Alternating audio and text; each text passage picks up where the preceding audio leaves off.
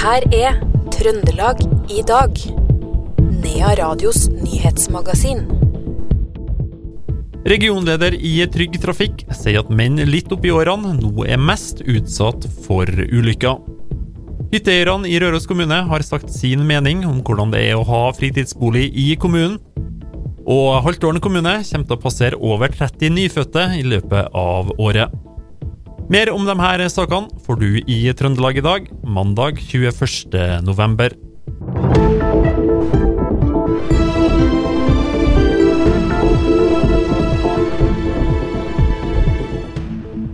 Først skal vi til trafikksikkerhet.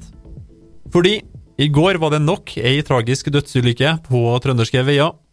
Ved utgangen av oktober var 100 personer omkommet på norske veier, og ni av dem her i Trøndelag. Det er det høyeste tallet på flere år.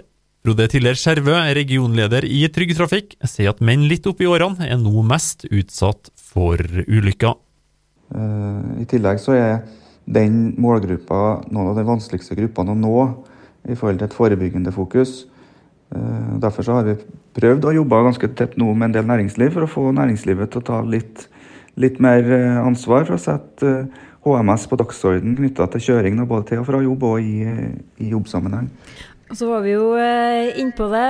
Vi går inn i ei tid nå der det er ekstra mørkt og kanskje ekstra ekkelt å kjøre på veiene. Det kan være glatt og snøvått og ekkelt å se mange plasser. Hvilke oppfordringer har du nå før um, vinteren og juletrafikken setter inn for fullt?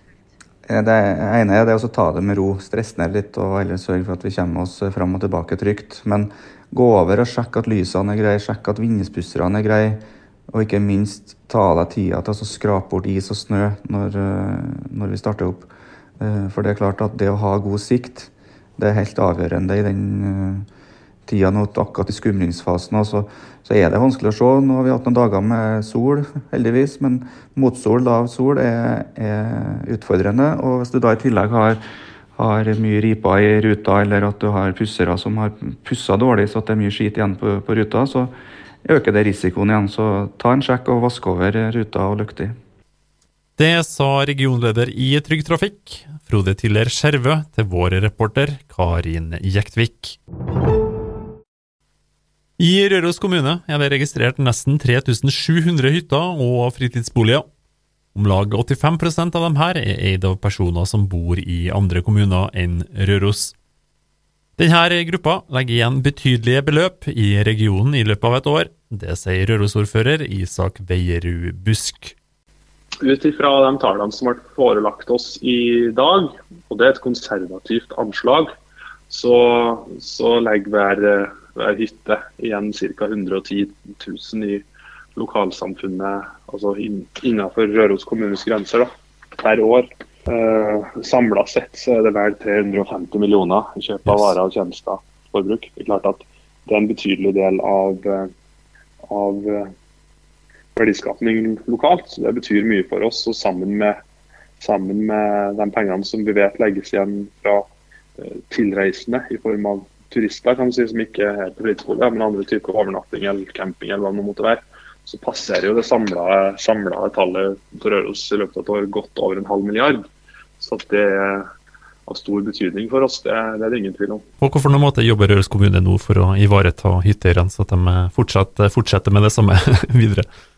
Lørdagen julemarkedsuka så skal denne resultatene av hytteundersøkelsen legges fram for, for hyttebefolkningen vår, da, som inviteres til et åpent møte om det. I tillegg så holder vi på å prøve å få til som dialogmøter med representanter fra ulike hytteforeninger. Det er noe vi kommer til å, å se mer på framover. Hvordan vi får det liksom inn i et system.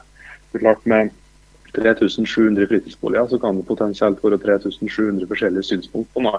Det er klart. Så vi må prøve å få det litt mer inn i håndterbare former. Da. Det sa Røros-ordfører Isak Veierud Busk.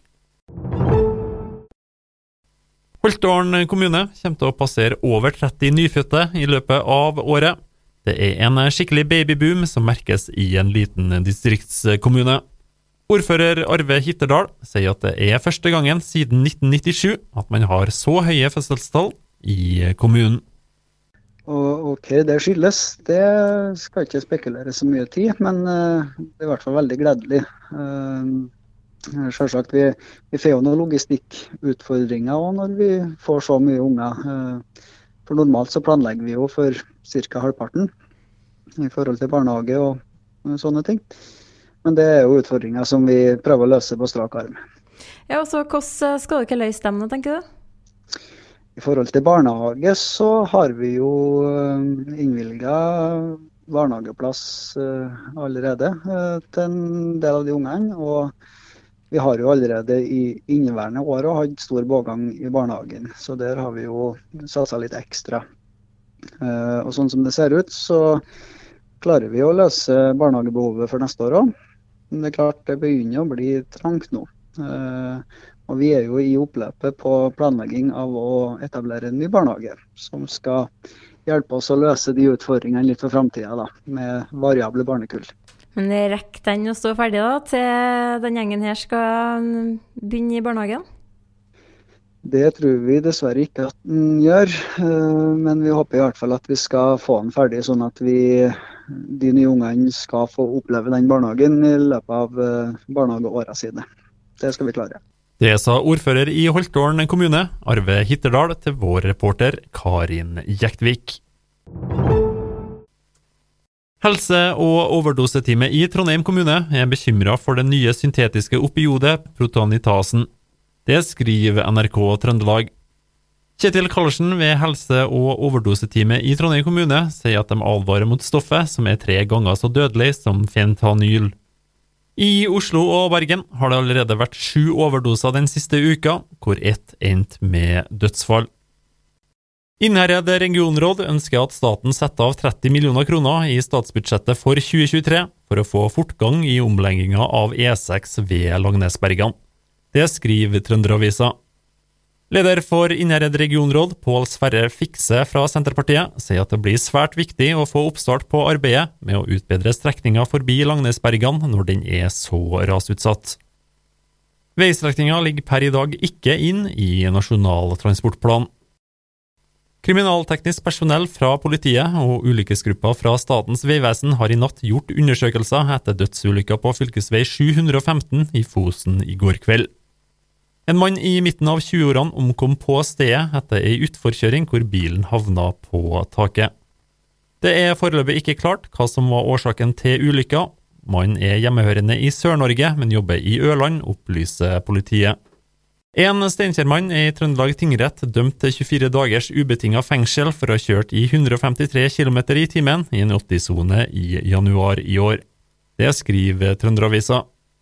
Mannen hadde i tillegg et mindreårig barn i bilen da han ble stansa, noe som førte til at politiet sendte bekymringsmelding til barnevernet etter kjøreturen. Så skal vi over til politiloggen. Det har vært et eh, trafikkuhell mellom to personbiler på fv. 757 i Verdal ved Fløytarveien. Det melder politiet på Twitter. Det skal ikke være snakk om personskade, og politiet dirigerer trafikken forbi sted, sier dem. Løv i motorrommet kan ha vært årsaken til brann i en lastebil på E6 på Moholt i Trondheim i dag tidlig. Den er nå sendt til verksted for en teknisk sjekk. Det sier operasjonsleder Lars Berge i Trøndelag politidistrikt til Adressa. Føreren stansa lastebilen og fikk sjøl slukka brann med pulverapparat, opplyser politiet. Så skal vi over til andre nyheter. Oppdal skisenter hadde planlagt sesongåpning sist lørdag, men pga. mangel på både kuldegrader og natursnø ble det ikke helt som de hadde planlagt. Det forteller daglig leder ved skisenteret, Arnulf Erdal, som først Det forteller daglig leder ved skisenteret, Arnulf Erdal, som først nå har fått minusgrader nok til å starte snøkanonene. Eh, I år kom kulda seint. Eh, vi fikk eh, de første kuldegradene i skibakken her i går, og i går ettermiddag var vi i gang med en gang. Så eh, vi har behov for ti gode snøleggingsdøgn. Dvs. Si med temperaturer på minus, en plass mellom minus fire og minus åtte, for å kunne klare å få til ei heisåpning. For nå går de for fullt, siden dere satte dem på i går kveld, Snøkanonen. Hvor mye snø produserer dere om dagen da? Akkurat nå så produserer vi snø med, med ti vifter. Det er ikke kaldt nok til å sette tårnkanonene i gang. Så hvis vi i utgangspunktet hadde hatt tre-fire kuldegrader til, så hadde vi i utgangspunktet kunne kjørt mye mer enn det vi gjør i dag. Så det er det jeg sier, det er vanskelig å si akkurat når vi skal åpne, fordi at det er hele tida været som bestemmer hva vi klarer å få til. Du fortsatt trua på en god eh, skisesong?